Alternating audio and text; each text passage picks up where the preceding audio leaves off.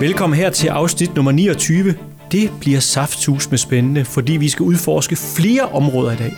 Det plejer jo at være sådan, at øh, vi udforsker naturligvis emnet, og det udforsker vi jo naturligvis med forskellige mennesker, forskellige abonnementstyper. Det kommer vi også til i dag, men i dag skal vi også udforske formen. For det er faktisk nu her i anledning af, at vi skal tale abonnement og AI, kunstig intelligens, machine learning, kært barn, eller hvad det nu er, har mange navne, der har jeg faktisk, for det har jeg hørt, man, man godt kan, der har jeg sparet min medvært væk. Jeg tænkte, jamen altså AI, det kommer da til at sætte sig igennem på jobmarkedet. Det kan vi da lige så godt prøve af i praksis. Så min kære kollega, hvem det så end skulle være, er jeg faktisk sparet væk, og jeg har fået en ny kollega. Det er Andy Ingvartsen. Og det er min øh, AI-maskine, som øh, jeg vil samtale med øh, to herlige gæster, som vi får ind i, i podcasten lige om lidt. Så jeg vil simpelthen prøve kræfter med, om, øh, om man ikke godt kan bruge sådan en chat-GPT til at være sådan en, en medvært på sådan en podcast. Det finder vi ud af øh, nu her lige om lidt.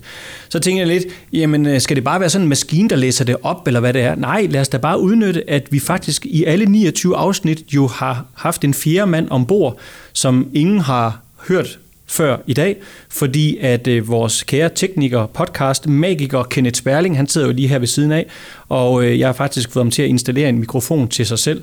Og jeg skal lige høre, Kenneth, er der egentlig hul igennem til dig? Er der? Er der? Ja, det er der. Ja, godt. Jamen, øh, hvad siger du til lige for en times tid eller 50 minutter at være en, øh, en Andy? Det vil jeg meget gerne. En AI, yes.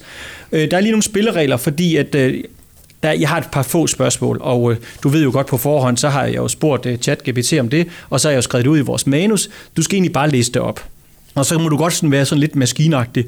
Og, så, øh, og det kan godt være, at jeg så undervejs, så siger jeg stop, og så stopper du bare med at læse, og så siger jeg start, og så læser du bare videre. Klog og dum, som du er på en og samme gang. Er, er du med på det? Det er i orden. Okay, godt. Jeg kunne egentlig godt tænke mig så lige at høre dig en gang, øh, Andy. Hvad hedder det? Øh, vi skal jo tage, samtale omkring AI og, øh, og abonnement. Og hvordan oplever du egentlig, at øh, abonnementsforretninger er, sådan, øh, er begyndt at anvende altså øh, AI? Fordi at det, der er garanteret en masse områder, hvor man allerede bruger det i forvejen. Så kan du ikke bare lige liste op, bare lige sådan en liste. Hvad bruger abonnementsforretningerne egentlig allerede i dag af AI-tools? Abonnementsforretninger har begyndt at anvende AI på forskellige måder for at forbedre kundeoplevelsen, optimere drift og skabe en mere skræddersyet service. Her er nogle hovedområder, hvor AI er blevet integreret. 1. Personalisering af kundeoplevelsen. 2. Forudsigelse af churn. 3. Automatiseret kundeservice. 4. Dynamisk prisfastsættelse. Stop. Det er faktisk en, lidt, lidt interessant det her med, at øh, AI kan analysere sådan nogle markedstrends og altså nogle, noget efterspørgsel og noget konkurrence i forhold til priser, og så øh, i real time maksimere noget, øh, nogle, nogle indtægter den vej rundt. Okay, dynamisk prissættelse. Start. 5. Optimering af forsyningskæde. 6. Marketing automatisering. 7. Fraud detection. Det er bare nogle af de områder, hvorpå abonnementsbaserede virksomheder anvender AI.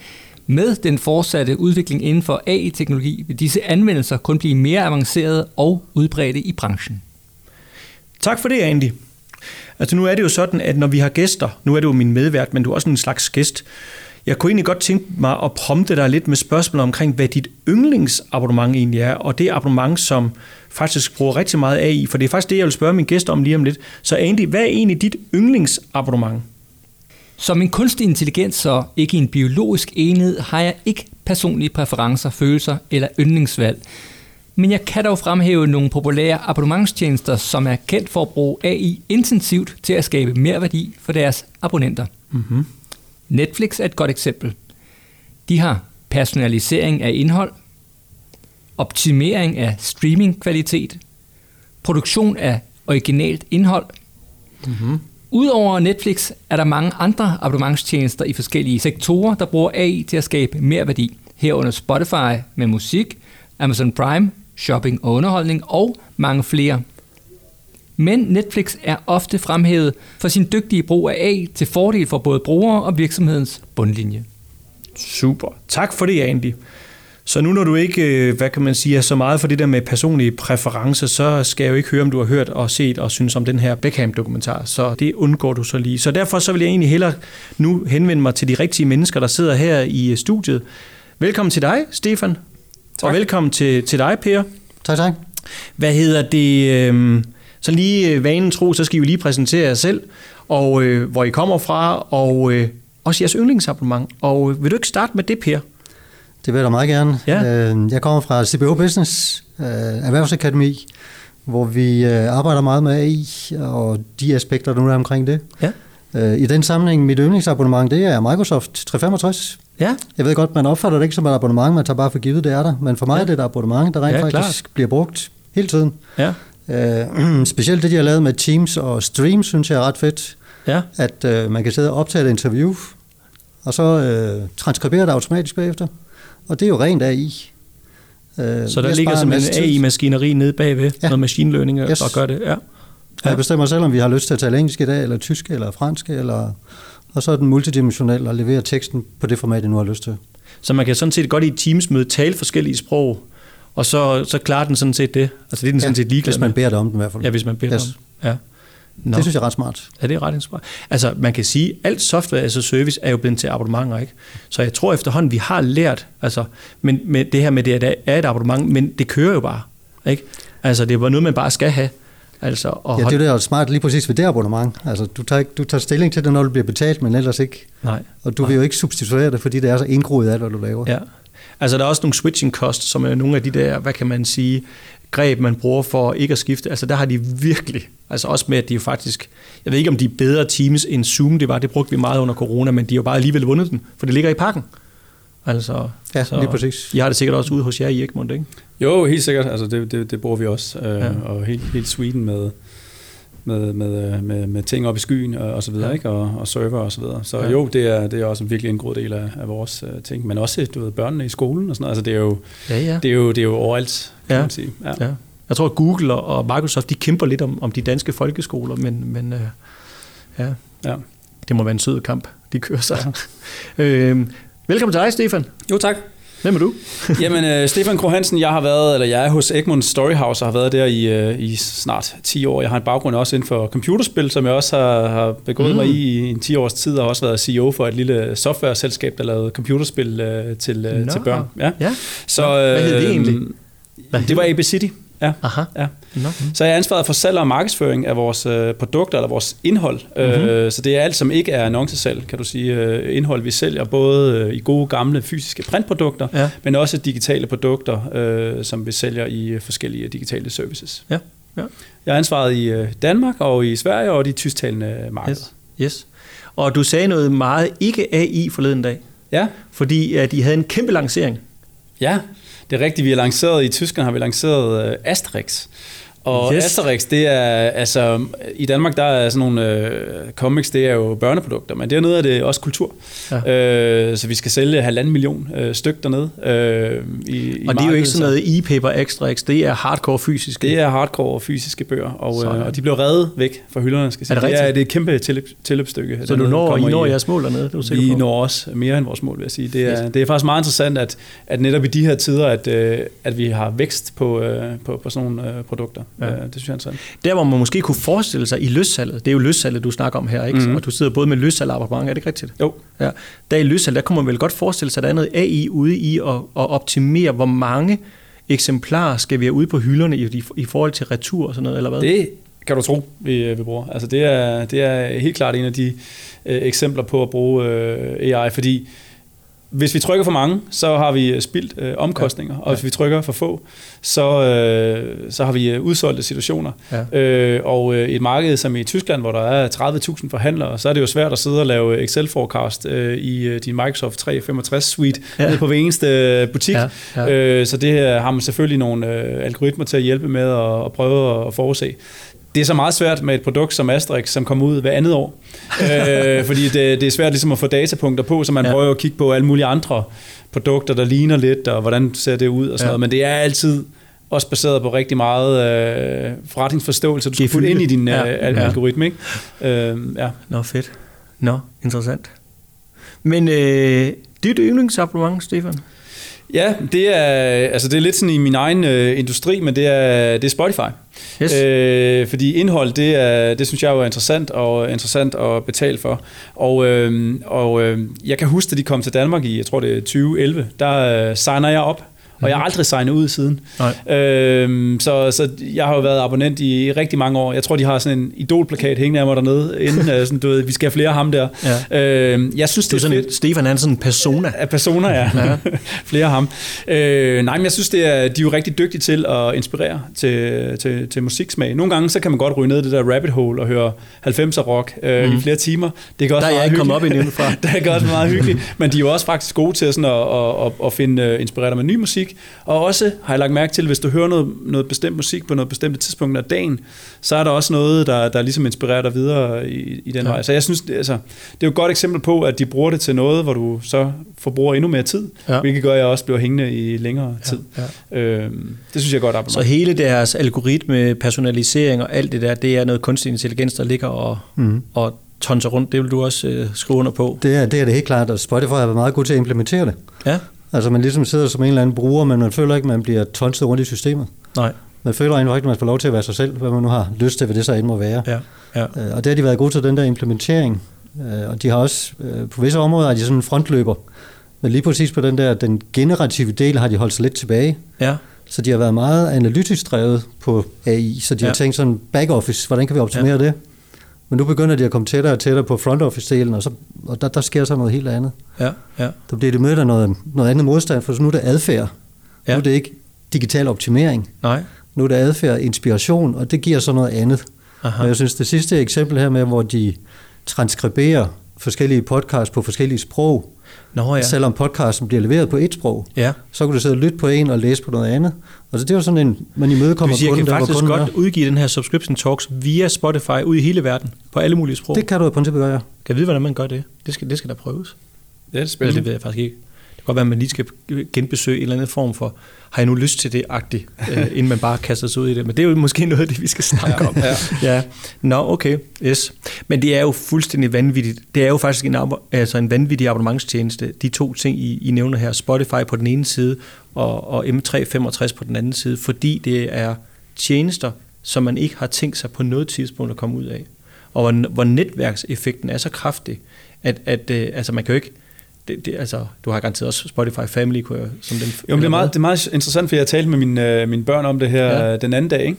Øh, og vi talte om det her med be- begreb med sådan noget piratkopiering og sådan noget, og Ja. de vidste ikke, hvad det var. Nej. Og de er 15 år. Ja. Øh, og det er jo Fordi Men det der passer faktisk lige med, at de ikke vidste, ved det. Ja. Napster og alt det der. Fordi, fordi at, øh, ja, de, har, de har ligesom ikke været, været, været nede, af den der, nede af den der sti, ikke? fordi vi skal bare huske tilbage på, at det var Ja. næsten umuligt at sælge musik, Ja. øh, før Spotify kom Ja. til. Jeg Ja. ved godt, der er mange kunstnere, der siger, at de, de ikke får øh, nok og sådan noget, øh, og det, det, det kan godt være, der, er- at, altså, at der er noget om snakken omkring den diskussion, det har man jo i alle mulige henseender, også med bøger og sådan noget nu, Ja. Men, men, men jeg synes alligevel, de har formået at, at sørge for at få penge for, for, for noget, som Ja. øh, altså man gik fra, det var gratis til, at, Ja. at man fik folk Ja, til det at var betale for tæt på at blive at crashe og blive sådan en gratis kategori. Ja. Ligesom nyheder jo Ja. aldrig rigtig er kommet op af igen. Ja. Og, og, der, og der er for eksempel computerspil, som de så også øh, er meget involveret i. Ikke? Altså der, der, øh, det har, de har jo også altså formået på den måde at have de her øh, abonnementstjenester Ja, øh, ja. på det. Ikke? Jeg tænker, at vores samtale her omkring AI, kunstig intelligens, det skal falde i tre temaer, tre kategorier, tre halvleje. Det første, det er sådan noget AI Academy. Og øh, det er simpelthen fordi, jeg tænker, jeg har brug for, vi har brug for, lytterne har brug for, lige at blive lidt klogere på, nu sagde du for sådan noget generativ, og du, du slyngede om dig lige før, altså, og, og det er bare blevet dit hverdagssprog, Per, mm. men det er jo ikke hverdagssprog hos os andre. Altså, hvordan kan, kan alt det her blive lidt mere hverdagssprog, så ikke bare kun for at tale med og, og, og, og føle sig med på beatet, men også lige for at forstå øh, de her begreber, der er i omkring øh, det her AI, kunstig intelligens. Det er det første punkt. Check. Det andet, det er AI i abonnementsforretninger. Og det er simpelthen, der, der kigger vi mere over mod dig, Stefan. Øhm, fordi vi kigger mest til Per til at starte med, er det okay? Det er helt fint. Yes. Men så kigger vi lidt mere over på den praktiske, mm. praktiske abonnementsmand, øh, som, som bruger det. Øh, ikke kun i løssalget, men også måske til at lave noget indhold. Hvad ved jeg? Det, det lytter vi til, hvordan I gør det ude hos, øh, ude hos Egmont. Og så AI-anbefalinger. Jeg kan godt høre, at I har fundet sådan noget med A hele vejen igennem. Mm. Andy og anbefalinger, abonnementsakademi. Og Ja, du har været rigtig kreativ. Mm. Meget kreativ. Det er, hvad det straks er til, ikke? Mm. Så, øh, så er I med på de tre temaer? Yes, lad os køre. Godt. Vi kører. Altså, akademidelen. Per, Yes. som jeg lige sagde før, jeg kunne egentlig godt tænke mig, at du på en eller anden måde lige øh, holder lidt skole for os her. Mm. Årsagen til, at jeg ved, at det kan du godt, det er jo fordi, at øh, der, hvor jeg oplevede dig for et par måneder siden sidst, første gang, og ikke sidste gang, det er simpelthen fordi, du jo også turer rundt og kan undervise folk i det her, og du introducerer os for det her. Og øh, noget af det, som du godt lige må inddrage i din lille skole her, det er, at noget, jeg lige hæftede mig ved, du sagde, der er egentlig ikke så meget nyt i forhold til det her, men det nye, det er måske, at der kommer en UX-dimension på AI. Ja, det er rigtigt. Ordet Det var.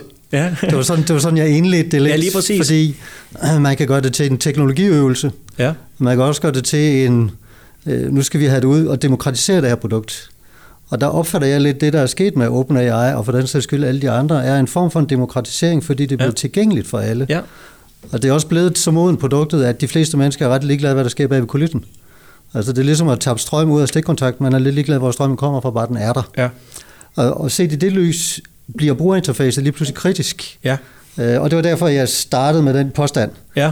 Øh, Hvis jeg skal sætte den lidt i perspektiv, så er det selvfølgelig ikke der, man er startet. Øh, Så skal vi skrue næsten sådan 70 år tilbage Mm-hmm. i forbindelse med 2. verdenskrig, hvor kodesystemer skulle brydes, kodesystemer skulle laves, Åh ja. og man på en eller anden måde skulle have noget Enigma, eller hvad det? computerhjælp Ja. til at få det der til, hvordan delen gør vi det? Mm-hmm. Hvordan gør vi det hurtigt nok, så vi ikke bare får et nyt?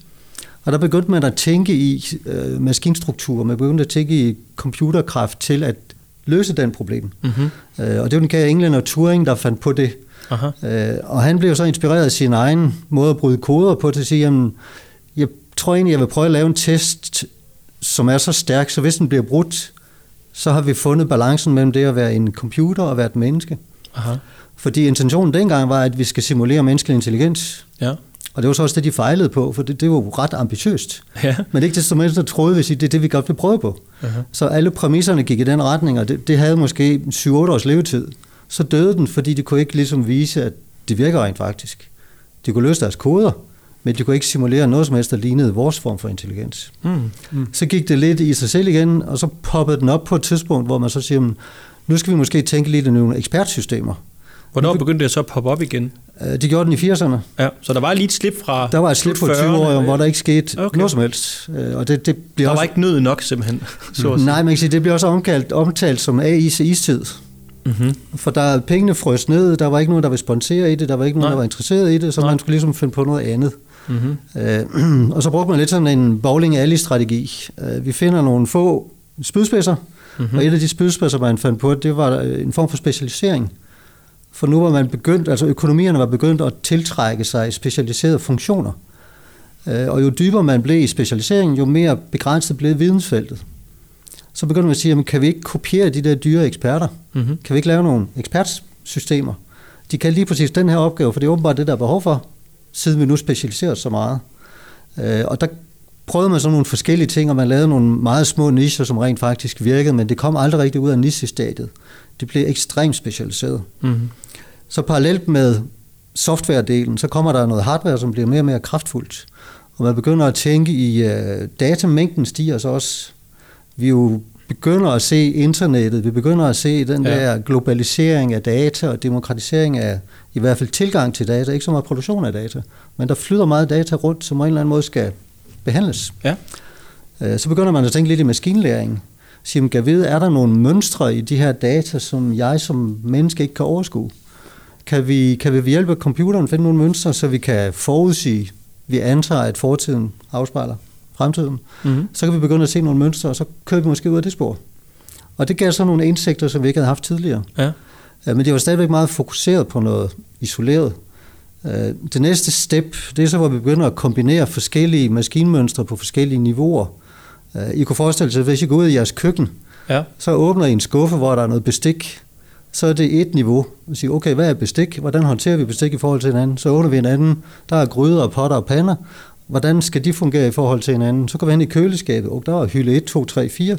Så, så har vi forskellige niveauer. Så vi introducerer det, der måske kommer til at hedde deep learning. Altså jeg bruger forskellige elementer af informationer til at forstå et eller andet samlet billede. Mm-hmm. Så, så vi har maskinlæring på nogle enkelte niveauer, og så putter vi dem ovenpå hinanden, og så siger vi, hvad leder vi efter her? Så, så mindset er sådan noget deep learning øh, eller neurale netværk, Ja. Så vi sætter information i gang i køleskabet, så har det nogle konsekvenser ude i skuffen, der har nogle konsekvenser ned til gryder og potter og pander, der har nogle konsekvenser helt til kogebogen. Sådan at Ja. vi prøver at opfatte kunstig intelligens som den måde, vi tænker på. Ja. Øh, Den måde, vi bliver trigget, altså vores tanker, hvordan de flyver frem og tilbage. Øh, Og det ved jeg, det kommer vi til at snakke om lidt senere, hvad, hvad er det så, computeren ikke kan, og hvad er det, vi kan. Ja. Ja. Men man prøver på at simulere, man bliver inspireret af vores hjernes aktivering. Ja. De der neuroner, hvordan Ja. ja. pisker de rundt? Ja. Og det ved vi rent faktisk ikke.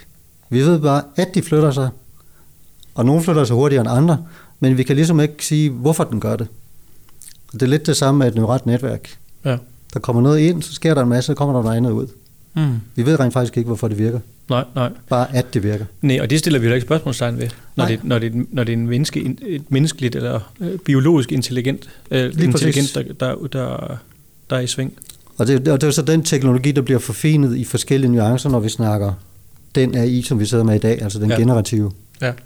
Det der generativ, prøv lige, hvad, hvad betyder det? Altså, Ja, man kan sige, at vi skal kigge på to, to niveauer af AI. Der er Ja. det analytisk AI, ja, det er der, hvor jeg bruger maskinlæring og analyserer tallene for at se nogle mønstre i den. ja, Der kigger på alt det, jeg har. ja, Og der kigger på totaler, tretaler og firetaler, sådan ret deterministiske data, ja, ret specifikke data. ja. Når jeg så skal generativ, så skal jeg ligesom prøve at skabe noget på basis af det, jeg har i forvejen. Altså, den genererer noget. Ja. Den, den genererer noget, ja. Mhm. Mm. Sådan rent teknisk, det der T'et i GPT, det er jo, den transformerer noget. ja, Og det er jo det, der bliver til en generering. Den transformerer det, jeg har i forvejen, plus det, du har bedt den om at lave, og så opstår der noget nyt. ja. Og det er, jo, det er jo den bølge, vi er blevet fanget for inden for de sidste halvandet to år. Aha. Og det er derfor, at når du prompter for eksempel OpenAI, ChatGPT, så får du aldrig det samme svar. Altså, der er en sandsynlighed for, at det ikke er det samme. Yes. Fordi den hele tiden genererer på nyt. Og de har ovenikøbet gjort det sådan, at de er ret sikre på, at du ikke får det samme svar. Okay. Ja. Det, er jo, det er jo en del af den de, måde, de har lavet algoritmen på. Ja. Aha. Men de, de kan rent faktisk heller ikke forklare, hvorfor det lige pludselig bliver den sætning, og ikke en anden sætning. Mm. Okay. Men øh, det kommer. Også vildt nok, at så kan de ikke forklare det. Altså, og hvem, altså, Ja, men det er, er det fordi, det har noget med sandsynlighed at gøre. Ikke? Altså, hvad er ligesom det sandsynlige næste ord, der skal genereres, baseret på den prompt, du har, og hvad du har skrevet? Og sådan, det, er, Ja, er og det ikke sådan, den, den del har de styr på, for det er, ja. jo, det er jo sandsynlighedsregning. Det er jo mm. efter, at det neurale netværk mm. ligesom har processeret. For så lægger du forskellige vægtfaktorer på det output, der kommer, mm. Og så skaber du sætningen. ja, Og den del har man styr på, ja. for det er rent statistik. Mm.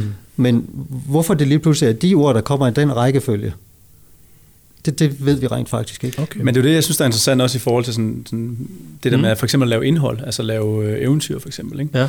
Altså, der, der er det klart, at hvis, hvis den har læst på en masse eventyr, de starter rigtig ofte med Once Upon a Time.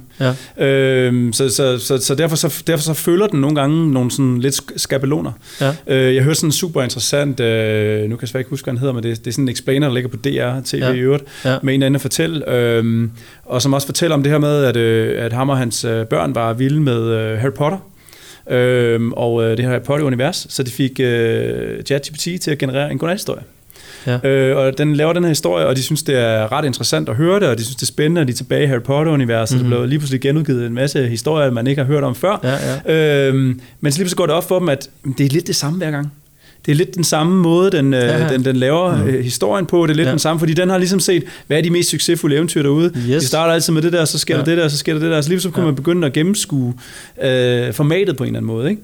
Ja. Øhm, og så ved jeg godt, så skal man begynde at arbejde med prompting og sige, okay, men så skal vi nødt til at give den noget andet og sådan noget. Så, så det stiller stadig krav til, at der er noget kreativitet, mm. øh, som kommer fra et eller andet menneske af, der, der, der sørger for at, at komme med det uventede.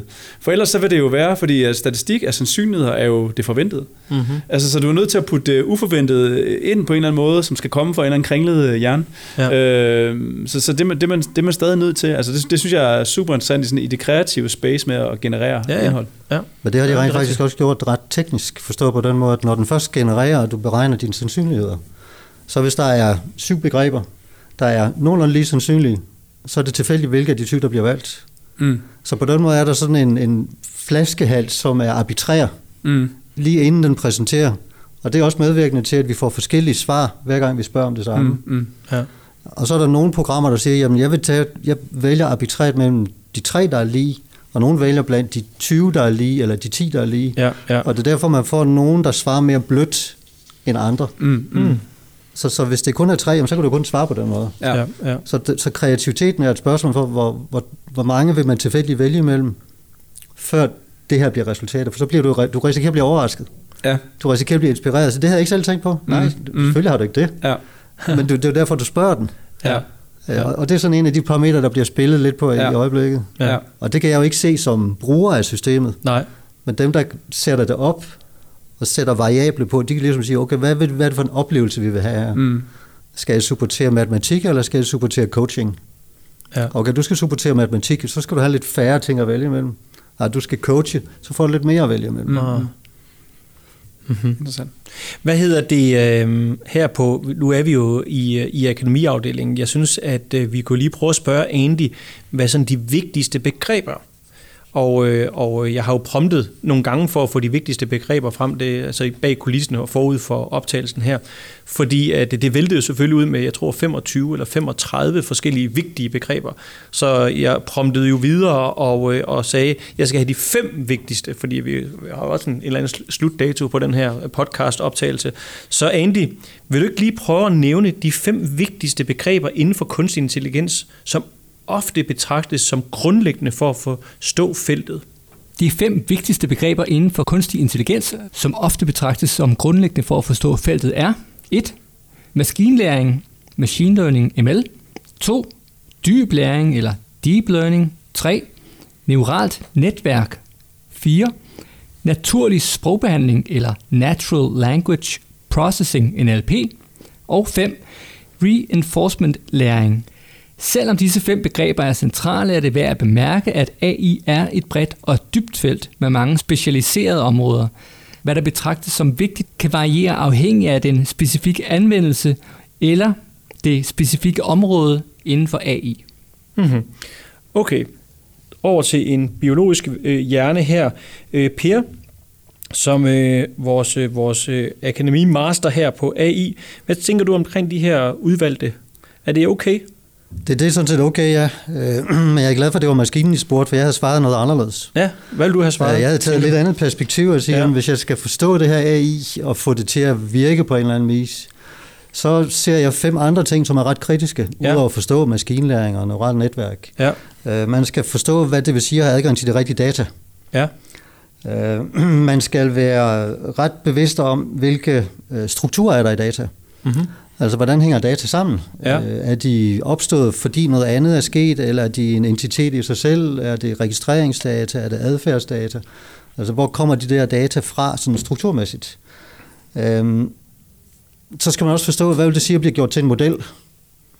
ja, Fordi jeg vil reducere noget fra noget til noget andet. ja, Hvad er det, jeg mister? ja, For vi fokuserer altid på det, jeg får ud af det. ja, Så den der transition fra den teknologiske maskinlæring, ja, det er jo Ah. fint nok, men til, jeg laver modellen, fordi jeg vil forstå et eller andet. ja. det er jo helt stor udelukkelses... Øh, Og det er jo Greb. ofte det, du gør. Og så glemmer du i sagen, i kampens hede, når du optimerer den model, du har. Hvad var det lige, jeg overså, inden jeg startede, som jeg ikke får med i den fase? ja, Så, så en ting er teknologien, noget andet er, hvor du applikerer den. ja, Så det, det vil være min, min tredje bullet. Øh, det andet, det vil være at øh, prompte.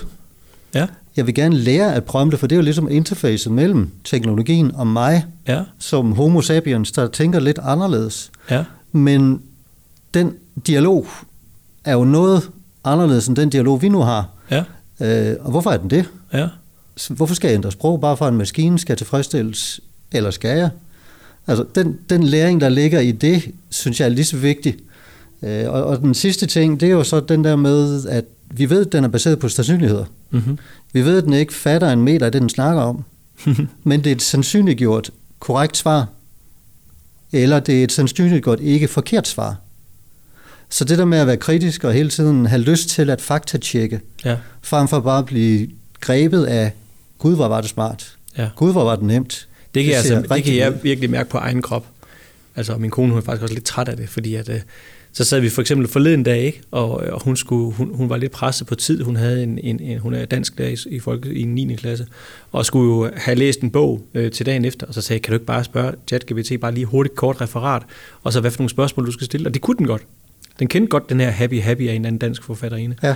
Øhm, men øh, men det, det, det synes hun simpelthen ikke var godt nok, fordi hun havde brug for nuancerne i sproget, Og øh, som, fordi det var meget, meget vigtigt for det undervisningsforløb, så, så hun, hun synes lige, hun lagde noget ovenpå der.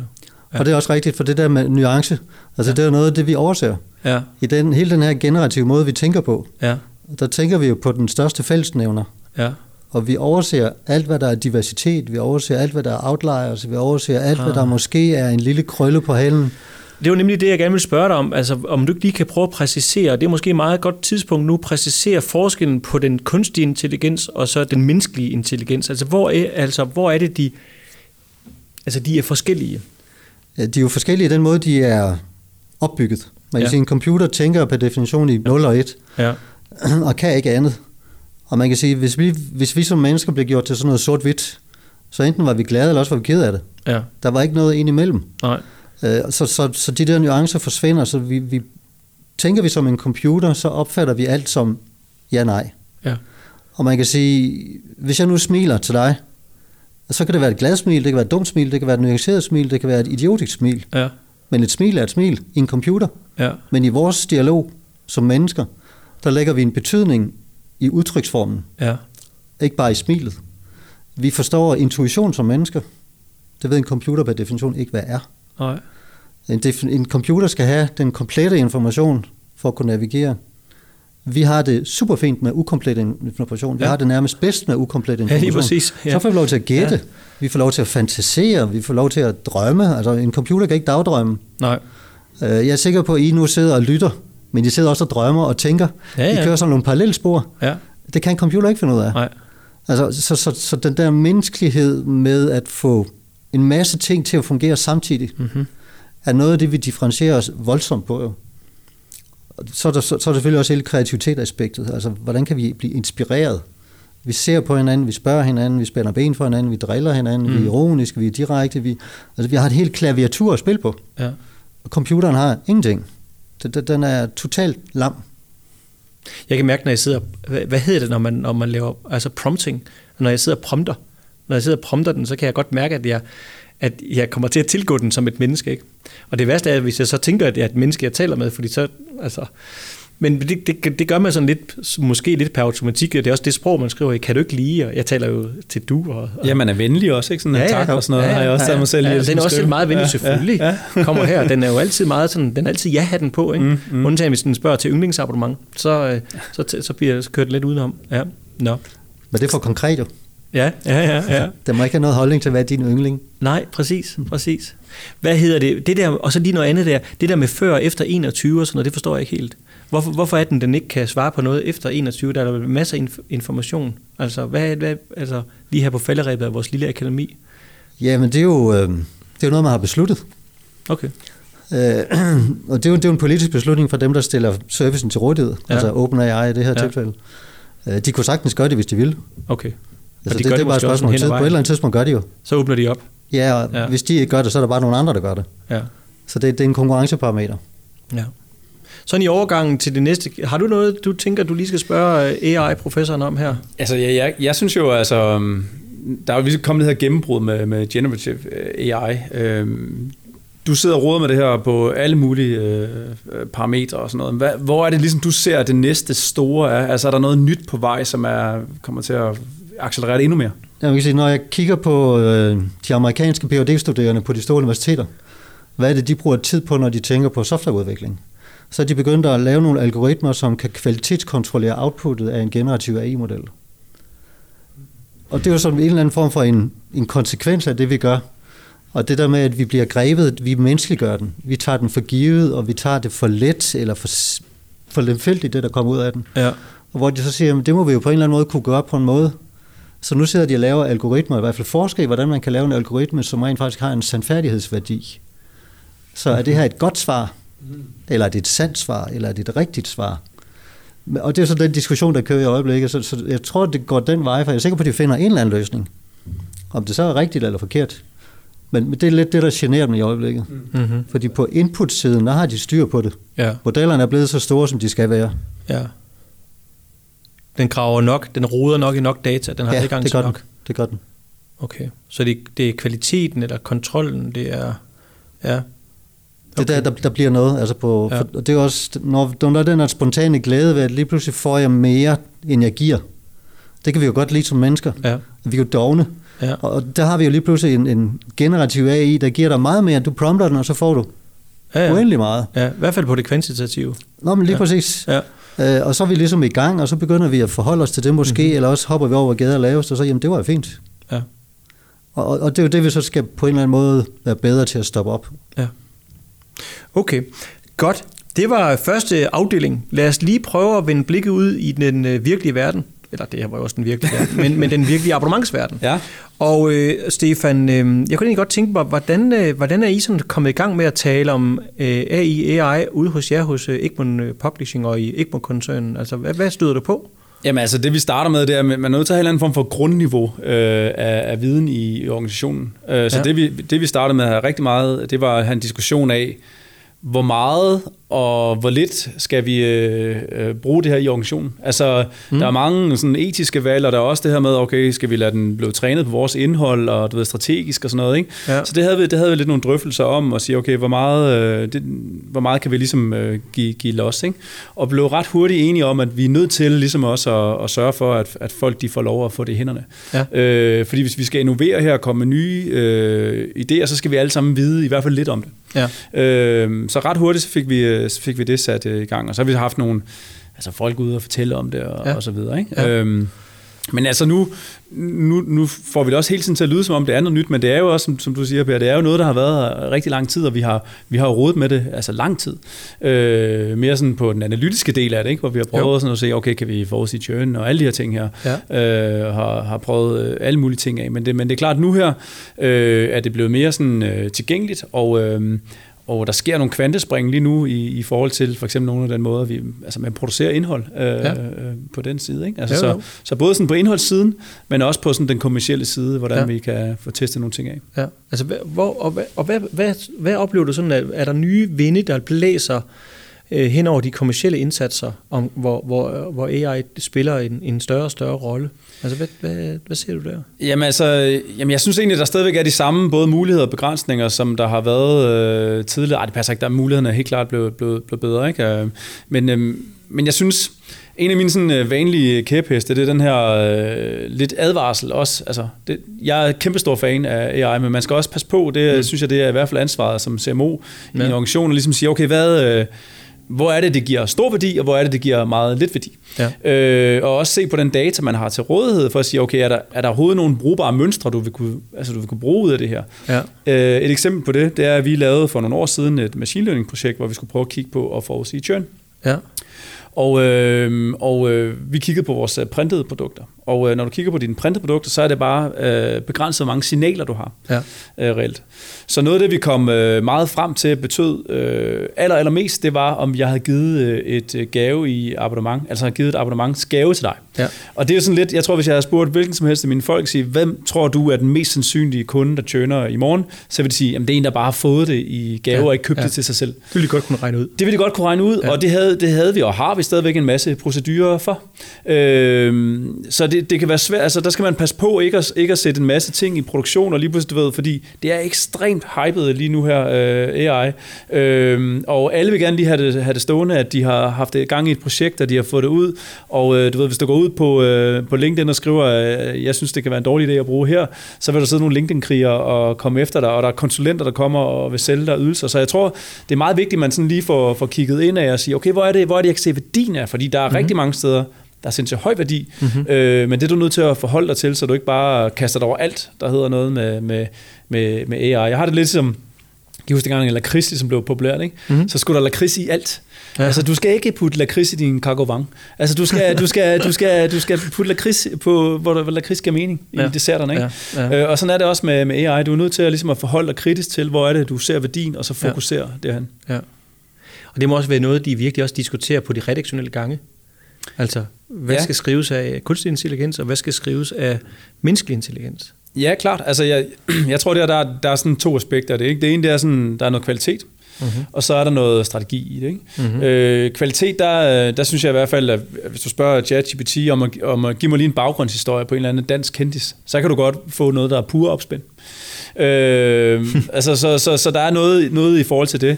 Øh, men du kan godt for eksempel bruge det som assistent. Hvis du går ind på, det er faktisk en meget sjov øvelse, jeg kan anbefale. Hvis du går ind på BBC, mm-hmm. øh, tegner deres artikler om et eller andet, og kopierer den ind i ChatGPT, så kan du sige, øh, fortæl mig lige, hvilke kilder, der kunne være relevante at faktatjekke her. No. Så lister den det helt op, så du ret hurtigt lige kan gennemskue ja. øh, komplekse øh, tekster. Mm-hmm. Altså der synes jeg helt klart, øh, det er noget. Så er der sådan mere ja, renskrive noget måske. Ja, renskrive noget, men også noget, altså sådan noget med oversættelser for eksempel, ja. er også, er også øh, er blevet ret godt. Ikke? Der skal ja. vi heller ikke lang tid tilbage, før at det var sådan lidt uh, Google Translate, hvor det, hvor det var sådan lidt uh, ord for ord oversat. Der er det jo virkelig, uh, virkelig god kvalitet uh, ja. i oversættelserne nu, ja. hvilket gør, at indhold kan rejse fra land til land. Uh, det gør ja, ja. du nedbringer din omkostning ved at, ved at Lige en time out på den der, for jeg godt lige tænke mig at spørge dig, Per, sådan rent nede i maskinen. Mm. Hvordan, hvad, hvad, er det for nogle, hvad er det for nogle mekanikker, hvad er det for, hvad er det for en, hvad er det, de har gjort for, at, at oversættelsen er i, i hele betydninger? Altså, hvordan kan de gøre det versus den der oversættelse ord for ord ting? Det er simpelthen, fordi datamængden er blevet så ekstremt stor. Ja. så de har mange flere eksempler. Ja. Og det er jo fordi, de begynder, i stedet for, altså sådan som Google Translate typisk var i starten, det var ja. et ord, der bliver oversat ja. et andet ord. Ja. Nu tager de syv ord, fem ord, så de kan håndtere den der meningsenhed frem for ordenheden. Aha. Og det giver så en markant bedre forståelse. Ikke fordi den forstår meningen, nej, nej, men, den, men den kan ikke, finde men den. den kan finde den, lige præcis. Ja. Ikke finde meningen, mm. men den kan finde tilsvarende sætninger. Ja. Så den, den er bedre til at skabe den ja. sammenhæng. Ja, ja. Mm-hmm. Jeg kan huske, jeg kan huske en for tilbage, hvor jeg læste om det her første gang. Der var der, hvor Google de havde fået lov til at FN, mm. for at træne deres øh, machine learning, der de fået lov til at få lov til at, at, at, at indlæse alle deres dokumenter.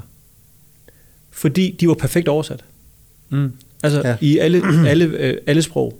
Og, øh, og de måtte, altså, der var jo nok nogle rimelig hardcore øh, hvad man sige, ting, de ikke måtte bruge det her information til, men det skulle bare være rent til at træne maskinen. Mm. Altså, og det var egentlig mm. meget godt tænkt. Mm. Ja. Altså, der var virkelig produceret noget på forhånd, det skulle bare ind og, og spises af, af, af maskinen. Ikke? Ja, vi vil tage fat i EU jo. Ja, ja lige præcis. Altså, der har siddet nogen i mange, mange folk. timer, der mm. bare oversat og oversat og oversat. Ja. Ind med det. Mm. Så kan vi andre bruge det. Ja, ja. ja men lige præcis. Ja. Hvad hedder det? Hvad, hvad, hvad oplever du egentlig, Per, når du sådan også, altså, når du underviser? Og, øhm, altså, hvad, hvad, hvad oplever du i forhold til AI og, og kommersielle indsatser? Hvor, hvor popper det op hen som interessante muligheder? Det popper op øh, alle steder, om man ja. så må sige. Øh, på alt, hvad du laver, der er et eller andet med content at gøre. Ja. At du kan sige, nu, nu underviser jeg jo e-handelsstuderende. Ja. Øh, og de skal ud og arbejde i en digital verden. Ja. Øh, og man kan sige, at det her AI har jo indflydelse på deres måde at arbejde på, deres måde at berige det, de arbejder med, mm-hmm. og deres måde at differentiere sig på. Ja. Så jeg prøver på at stoppe AI ind alle de steder, hvor de måtte kunne ja. ramme det. Ja. Altså alt, hvad der har med content at gøre, så ligegyldigt, hvad formatet måtte være. Ja. Altså, og content er jo ikke kun ord. Nej, nej. Det er jo også billeder. Det er jo også lyd. Det er det hele. Ja. Og, og det er den der, den der kompleksitet, der ligger i det.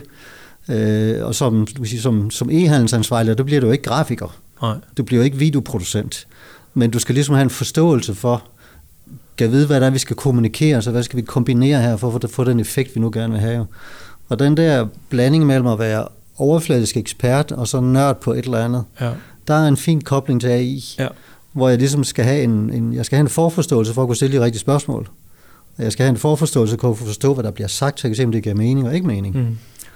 Men hvis jeg skal have fat i en, en ekspert, så ved jeg godt, så skal jeg spørge en person. Eller måske en chatbot, der er trænet på at være ekspert. Mm. Så, så, og og det, det, det, det bruger vi en del tid på, ligesom at ja. sige, lad være med at blive grebet af det som sådan et universalværktøj. Ja. Men, men brug det der, hvor det giver mening, og så prøv at dykke ned i det, og så se, kommer du rent faktisk videre? Ja. Øh, ja, ja. Og de, de har nogle, altså der, der er sådan, nogle af dem er lidt bange for det. Ja. Jamen alle folk siger, det er forkert. Jeg siger, prøv det. Og så må ja. du jo vurdere, om det er forkert. Ja. ja. Altså, så, så jeg skal ret bevidst stimulere deres nysgerrighed. Hvad, hvad for nogle konkrete ting øh, øh, arbejder de med, altså når de arbejder med content? Altså, nu har vi jo siddet og snakket chat-GPT, det er, jo, det er jo lidt for os dødelige, men der findes jo vel andre øh, AI-maskiner, ikke? Jo, der, der er masser. Hvad altså. anbefaler du, og bruger du?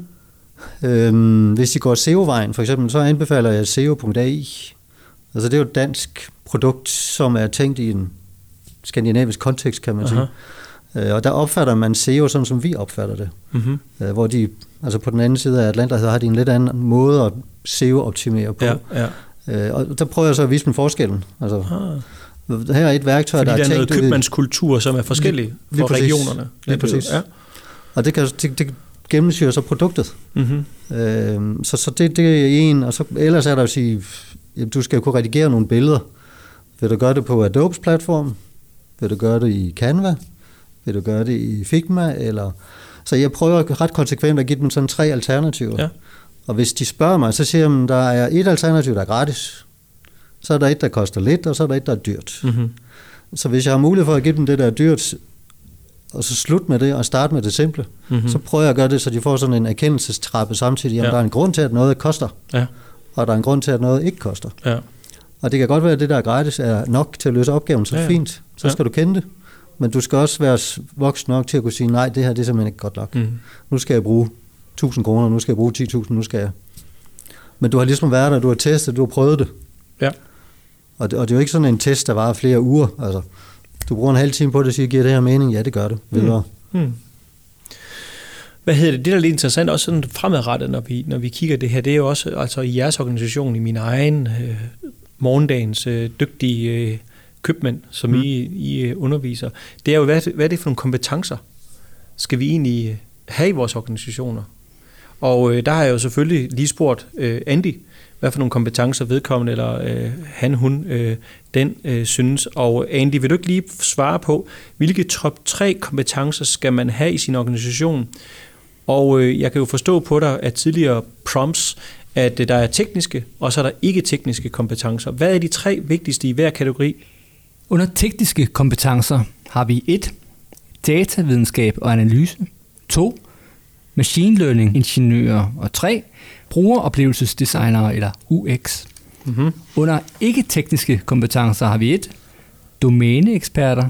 2. Forandringsledelse. Og 3. Kommunikation og fortalervirksomhed.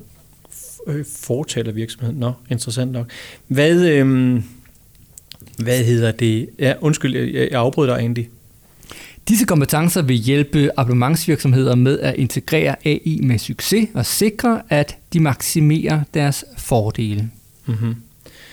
Men der vil jeg godt lige prøve at lige slukke øh, Andy et øjeblik. Øh, Andy er ikke lige inde på sådan nogle øh, etiske kompetencer her i sit top 3. Det kan være, at jeg, jeg selvfølgelig har spurgt den forkert. Men, men det, det var faktisk det første, der lige øh, faldt mig ind.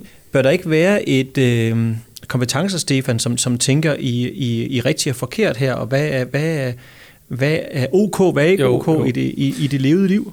Jo, fordi, fordi den, er jo, den er jo trænet på, øh, på en masse materiale, som har været til rådighed rigtig lang tid, Ja. og, øh, og øh, det er jo fyldt med bias. Ja. Øh, både øh, sådan øh, kønsstereotypt øh, øh, og race øh, og så videre, ikke? Jo, jo. Øh, så der vil være nogle, sådan meget øh, øh, klassiske stereotype øh, billeder, der kommer frem. Ikke? Hvis du går ind på Midjourney og beder den om at lave en sygeplejerske, så vil det altid være, være Hvad er kvinder. det nu Midjourney, det er? Det er også en øh, generativ øh, øh, AI, men for billeder. For billeder, okay. Ja. Yes. Øh, så, vil du, så vil du næsten altid se, at det er, det er lavet som en, øh, som en, som en kvinde. Ikke? Og det, så, det, så derfor, hvis vi skal til at bryde nogle af de her stereotyper, så, ja. så er vi jo nødt til også at ikke kun at gøre det, der er mest sandsynligt Ja. øh, i sådan en AI-terminologi. Ja. Nå, det er jo klart, den har jo bare billeder. Altså, hvis den, hvis den skal tage 100 billeder af en sygeplejerske, så vil 99 af et eller andet jo, fordi den kigger bagud. Mm. Ja. Og tager ikke lige højde for, for, for, for tidens tone og samtaler. Og, Nej. Øhm, nej. Og slet ikke, hvis den kigger efter før 21, og så videre, og så videre, og så videre. Nej. Nå. Mm-hmm. Hvad, hvad tænker du, og hvordan taler I omkring hele det etiske aspekt øhm, med de studerende? Øh, Vi bruger en del tid på det, men de studerende har svært ved at forholde sig til det. Ja. Altså, det er svært at diskutere etik og moral, altså, men vi, vi bruger det i forskellige kontekster, og hele tiden forsøger at sætte dem ned og diskutere med hinanden. Hvad kan jeg tillade mig? Kan jeg bruge øh, ChatGPT til at lave en eksamensbesvarelse? Ja. Kan jeg tage chancen og tro på, at den ikke bliver opdaget? Ja. Altså, og hvad, hvad vil det sige at aflevere en opgave, som jeg ikke selv har skrevet? Altså det der, til, hvornår er snyd snyd, og hvor er inspiration inspiration? Mm-hmm. Øh, Og, og det bruger vi en del tid på at diskutere. Ja. Så de i hvert fald er bevidste om, hvad er det, de gør. Og samtidig siger vi så også til dem, at der findes ikke noget værktøj, der kan afdække, om det er genereret af en computer eller ikke genereret af en computer. Mm-hmm. Så det er op til jeres samvittighed at afgøre, hvilken risiko jeg har lyst til at løbe. Men I kan være 100% sikre på, at det er snyd af første karat, når I bliver opdaget. Mm-hmm. Og så, og så man hvorfor har vi taget den holdning? Jamen det har vi jo, fordi det er jo en maskine, der ikke har en moral. Mm-hmm. Det er en maskine, der ikke har en mening om noget. Det er mm-hmm. jo et statistikprodukt. Mm-hmm. Det, det, det er sandsynlighedsregning, Ja. og intet andet. Ja. Øh, Og vi kan ikke gøre etik og moral til sandsynlighedsregning. Det er jo en Nej. stillingtagen. Ja. Så den stillingtagen skal komme et andet sted fra. Mm-hmm. Så vi tvinger dem lidt til at sætte sig ned i nogle grupper og diskutere. Det er også derfor altid samtalen omkring selvkørende biler, den havner lidt omkring, altså hvordan pokker prompter vi den til at, at, at tage stilling til det rigtige Mm. øh, i, i en given, hvad kan man sige, ulykkessituation. Ikke? Ja, hvad skal Ja. ja. den prioritere frem for Ja. noget andet? Ja. Så der, der kommer der helt sikkert nogle kompetencer, som skal forholde sig til det her, som skal være de voksne, så at sige. Ikke? Altså, tage stilling. altså, I mærker det jo, Stefan, ude hos jer, I er jo et contenthus. Altså, Ja. I, øh, I skal, jo egentlig gerne stå stå til ansvar for, at det, I skriver, det er rigtigt. Ja, vi, vi Og har alt det med fake news og hele det der øh, ramachan, ikke? Præcis. Ja. Det har vi taget stilling til, at vi ikke laver en, en hel artikel bare øh, genereret af, af AI. Nej. Øhm, jeg har det også sådan lidt sådan, det, det sådan, nu sagde jeg før, der er ligesom et kvalitetsaspekt, men der er også en strategisk aspekt, fordi hvis du kun udgiver indhold, som er gen- lavet af en eller anden maskine, så er jeg heller ikke sikker på, at man kan tage penge for det i fremtiden. Nej. Altså, så tror jeg, det bliver, ikke, så, altså. så bliver det lidt en commodity, Ja. altså, som, som alle bare kan lave, fordi så kan det laves i overflod. Så er du nødt til at, ligesom at, så er du nødt til at have et andet perspektiv på det indhold, du så udgiver, og du gerne vil tjene penge på Ja, i ja. fremtiden. Så skal du komme med mere end bare det mest sandsynlige øh, Ja. øh, ordflow, øh, flow, Ja, ja. øh, der findes. Ja. Øh, jeg tror godt, det kan bruges til sådan noget, du ved, nu skal jeg lige hurtigt lave kampreferat af en fodboldkamp i Superligaen, Ja, ja. ikke? Hvor, Ja. det, er- hvor det er meget faktabaseret. Ja. Der, der tror jeg sagtens, det kan fungere. Ja, ja. Øh, men hvis du skal have sådan nogle lidt dybere perspektiver og politiske analyser, og, altså, der er nødt til at være noget mere, mere bag. Ja. Lad os tage det sidste, øh, det sidste kapitel. Det er jo vores anbefalinger. AI-anbefalinger. Hvad, når vi skal arbejde videre med det her, Per og Stefan, med, øh, med at styrke vores abonnementsforretninger? Hvad, hvad er egentlig vores anbefalinger, os tre her rundt om bordet? Hvad, hvad, hvad tænker vi? Hvis nu starter med dig, Per. Man skal lege, man skal prøve sig frem, Ja. fordi der er masser af muligheder. Mm. Øh, der er ikke nogen, der har været der før. Nej. Så det der med at være bevidst om, at nu er jeg ung og jomfruelig, og jeg skal lære af det Mhm. her. Mm-hmm. Og det betyder også, at jeg skal ikke sidde og vente. Nej. Jeg skal gå i gang her nu. Så ikke noget med at gå rundt om den varme grød? Ind i, Overhovedet ikke. Altså, Ind i kampen? Hvis jeg skal give et eksempel. Ja. Ja. Den sidste måned har jeg lavet fire lokalt trænede LLM'er, altså sprogmodeller. Ja, Øh, Jeg har for eksempel taget det der fag, som vi kalder videnskabsteori, ja, som studerende på definition synes er dødkedeligt. ja. Øh, Det er også meget tungt øh, og meget tekstbaseret. at sige, Ja. Kan jeg piffe det lidt op ved at lægge det ned i en sprogmodel? Jaha. Så de kan sidde og tage en dialog med ham der, og så har vi kaldt ham Sokrates bare for skæld skyld. Ja. Kan de stille Sokrates nogle spørgsmål om det her videnskabsteori? Ja. Øh, Og det, det introducerede vi for 14 dage siden, Ja. og de sidder rent faktisk og chatter med ham. Aha. Og når de chatter med mig, så stiller de mig et spørgsmål, og så får de et svar, så sker der ikke mere. Så er de ligesom videre. Ja. Nu, nu indgår de en dialog, Ja. og jeg har så kigget på de der dialoger, og der er rent faktisk øh, fundans i dem. Der er rent faktisk refleksion. Ja. Øh, det, det er bare sådan et eksempel at sige, at i stedet Så du for kan faktisk at- godt læse ud af deres, deres prompts, Ja. at, øh, at det- de faktisk læser og prøver at forstå og bliver lidt optaget. Lige præcis. Og det er jo en yndlingssituation i en læringssammenhæng, ikke? Fuldstændig rigtigt. Og, Ja, det, ja. og det, vi havde gået og snakket om det længe, så vi ved det jo rent faktisk ikke. Siger, nu prøver jeg bare, og så ser jeg, hvad der sker. Mm-hmm. Øh, Og en ting, der har overrasket mig i den sammenhæng, er, at den skal vide utrolig lidt fagspecifikt, for at kunne give nogle fornuftige svar. Ja. Altså, jeg har trænet den på 400 A4-sider.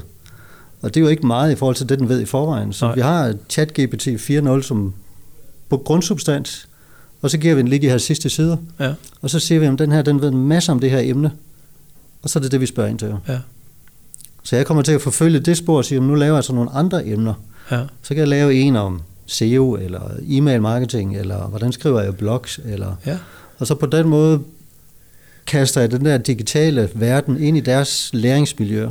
Det er sådan lidt en dobbelt ting, du gør, Per, ikke? Fordi det er jo, du gør det jo både for at prøve at engagere dem, som man jo altid prøver som underviser, men det er jo også en måde at forfine og nuancere sin egen øh, rolle i undervisningssituationen på, ikke? Det må man sige. Ja. Øh, man kan sige, at de første to dage, vi havde den op at køre, der var der 1000 prompts. Ja. Øh, så den gik død. Så jeg var nødt til at lukke den efter de der Okay. dage 4, dage 5 var jeg nødt Og til at blev helt den. træt op i hovedet. Den blev helt træt op i hovedet, ja. Ja. Og så startede vi så forfra igen, og så kørte videre. Men, Ja. Og jeg kan jo se, hvad de spørger om. Mm. Så jeg kan se, hvad de synes, der er svært. Ja. For når man spørger rundt i klassen, så der er ikke nogen, der tør række hånden op. Lige Nej. pludselig har jeg holdning fra dem alle sammen. Ja. og så kan jeg bare gå ned i det. Så du kan sådan set også efterfølgende faktisk udpege, altså hvor, hvor, er, hvor er klassens udfordringer henne? Det kan jeg meget let, ja. Ja, fedt. Det er sjovt. Det er fedt. Ja, hvad, hvad, hvad er dine anbefalinger? Du har sikkert flere, Per, men nu hopper jeg lige over til Stefan. Jamen altså, jeg synes, det er lidt ligesom, hvis forestil dig, at du skal ud og implementere et regneark i, øh, i virksomheden, så vil du heller ikke gå ud og sige, nu starter vi bare med et kursus, og så sidder man bare og kigger, og så trykker du to. Altså, du er nødt til på en eller anden måde at lege lidt med det. Altså, Ja. der, så der er jeg meget enig med dig, Per. at vi legepladsen, Man, ja. ja, man er nødt til at lidt i gang og prøve at rode lidt med det selv, og prøve mm. at få sådan en grundlæggende forståelse for det. Øhm, og så kan det være godt at, at du ved, møde nogle andre, øh, som, som også har siddet med det, og måske i nogle netværk eller noget. Øhm, og så, så til sidst måske have nogle kurser og sådan noget for at, at ligesom få det, få det ind. Ikke? Mm. Og så tror jeg, så tror jeg sådan tilbage til min, min øh, kæphest der og, og med lakrisen. Øhm, prøv at sætte dig ned og lave analysen af, hvor er det, at det er mest sandsynligt, at der er stor værdi her. Ja. Altså, hvor er det, hvis, hvis, hvis det her problem kunne løses med AI, så ville det have en kæmpe stor forretningsmæssig værdi. Ja. Prøv at få mappet den liste ud, Ja. og så samtidig lige sige, hvor nemt er det også at komme i gang med. Ja. Fordi hvis du skal til at kombinere en masse datakilder, især hvis du er et lidt ældre legacy-system, så er det sådan et uh, toårigt projekt, så, så er det måske ikke uh, nødvendigvis der, du skal starte. Men der, hvor der er høj forretningsmæssig værdi, mm. og du faktisk kan relativt nemt uh, komme i gang med det, Ja, ja. Så, vil jeg, se- så vil jeg sætte ind der, så du er mere bevidst om, hvor du... Uh, Det er meget fornuftigt at få lavet den der matrix, ikke? Ja, Nemhed ud af den ene akse og værdi ud af den anden. lige præcis. Ja, og så prøve at... Ja. Helt, helt, helt simpelt, Ja. ikke? Ja. Mm. Fedt. Det er jo lidt sjovt, det er lidt tilbage til det der med, altså, øh, jeg tænkte bare lige på før, Stefan, det der med også anbefaling, altså vil alle anbefale, der er ikke noget værdi i over tid, at vi øh, sælger content, som er genereret, Mm. maskingenereret. Nej. Men det er en hård, fin balance, fordi abonnenterne ude hos dig jo ikke nødvendigvis altid adskiller, når de sidder og læser noget, der er journalistisk, og, noget, der, er- altså, og så alle de der e-mails, der kører fra jer, som an, hvad kan man sige, anbefaler det mm. næste. Mm. Altså, altså, hvis, altså for, for en abonnent kan det godt flyde lidt sammen. Mm. Så det er også en hård, fin balance, hvor I skal ind og vurdere, og det er måske også en anbefaling værdig, ikke? Det er jo noget, vi diskuterer utrolig meget, det der med at sige, okay, Og man hvor bliver meget, færdig. Altså, hvor meget og, og, og, og hvor lidt, ikke? Og jeg tror, mm. jeg tror, altså, jeg siger ikke, at, at AI ikke kan spille nogen rolle i at skrive indhold. Det tror jeg godt, det kan. Jeg tror bare, sådan strategisk set, så er du nødt til på en eller anden måde at have dit eget perspektiv på det, der gør, at du flytter dig øh, væk fra bare mm. det genererede. Øh, Ja. ja. Fordi min hypotese i hvert fald er, at det bliver, det bliver lavet i overflod øh, Mm. på et eller andet tidspunkt. Øh, og så, så hvis du skal have en chance for at kunne sælge det, Ja. så skal det kunne noget andet. Mm. Fedt.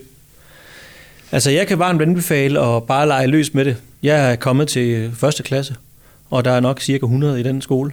Så øh, det har jeg da i hvert fald fået meget øh, ud af, og jeg kan, det var en, øh, det var en, øh, en game changer for mig, Per, at, at du sendte også i gang, så, så jeg vil klart anbefale, at man tager fat i sådan en som dig. Jeg skal nok lige skrive kontaktoplysningerne op. Det øh, har jeg ingen problemer med at, at, at anbefale og lave lidt reklame for. Og der er slet ikke heller reklame for, for jeres fantastiske produkter ude hos Egmont Publishing. Så begge to, tusind tak, fordi I lige kiggede forbi podcaststudiet her. Yes, fantastisk. Du skal være velkommen. Dejligt, dejligt, dejligt. Og øhm, nu plejer jeg altid at runde af med min, øh, med min medvært, og øh, min medvært har jeg faktisk sat i sving lige om lidt. Så jeg vil bare egentlig takke af til, til jer lyttere for at være super engageret og sende idéer til indhold. Det er jo mega, mega skønt. Jeg plejer jo at sige det her med, at øh, den her podcast, den er jo ikke gratis. Det koster jo en masse besvær og både at lytte og engagere sig og dele den med alle mulige andre. Så det er I jo meget, meget velkomne til. Det jeg har gjort, det er, at jeg fik lige lyst til at spørge Andy, om han, hun, øh, det, det, væsen ikke kunne lave os et lille abonnementseventyr. Og jeg sagde i prompten, det skal være et eventyr, som handler om cykler, hvad abonnementsforretningen kan, altså hvad dens fortræffeligheder er. Der må gerne lige indarbejdes lidt bæredygtighed, det synes jeg var alle tiders, og arbejde gerne lige med lidt større, eller et lille persongalleri. Og det skal tage maks 5 minutter at læse op. Så tusind tak, fordi I lyttede med. De sidste 5 minutter af podcasten her overleverer jeg her til Andy. Værsgo. Eventyret om cykelkongeriget og den store krise. I en tid, hvor byen Pedalstad blomstrede, stod cykelkongeriget som byens stolthed. Frøken Clara, den ædle leder af riget, havde skabt en forretning, hvor borgere kunne abonnere på stålheste, det vil sige cykler, og modtage ubegrænset vedligeholdelse. Men skæbnen havde urolige tider i vente. Mørke skyer trak op i horisonten, da en ny virksomhed, Juleimperiet, åbnede dørene og tilbød cykler til en enkeltbetaling uden behov for abonnement. Folk blev forført af deres skinnende billige stålheste, og cykelkongerigets guldbeholdning begyndte at tømmes. Konkursens kolde vinde begyndte at blæse. I disse fortvivlende tider trådte unge Leo frem, en troldmand inden for kunsten af kunstig intelligens. Han viskede til Clara om at lade ham forsøge at redde riget med sin viden. Med et håb i hjertet gav Clara ham sin velsignelse. Leo kaldte på Mia, den trofaste herold i riget, og sammen gik de i gang med at indsamle visdom fra fortidens kunder. Ved hjælp af sin trolddomskunst kunne Leo forudsige, hvilke stålheste der ville blive trætte, før de overhovedet viste tegn på slid. Det betød, at borgerne sjældent stødte på udfordringer, mens de red gennem byen. Men den sande redning kom fra selve abonnementsnaturen, Klare forklarede byens folk, at cykelkongerigets model ikke kun sikrede en fungerende stålhest, men også fremmede bæredygtighed. I stedet for konstant at købe nye cykler, sikrede abonnementet, at hver stålhest blev vedligeholdt og genbrugt fra den ene abonnent til den næste, hvilket beskyttede jorden imod unødigt affald. Da stålimperiets stålheste begyndte at falme og bryde sammen, indså borgerne, at en enkelt betaling ikke gav dem sikkerhed for vedligeholdelse – mange sad tilbage med ubrugelige stålheste og tunge hjerter. Cykelkongerigets kunder derimod, takket være abonnementets magi, blev altid mødt med funklende, velfungerende stålheste, der var både pålidelige og bæredygtige.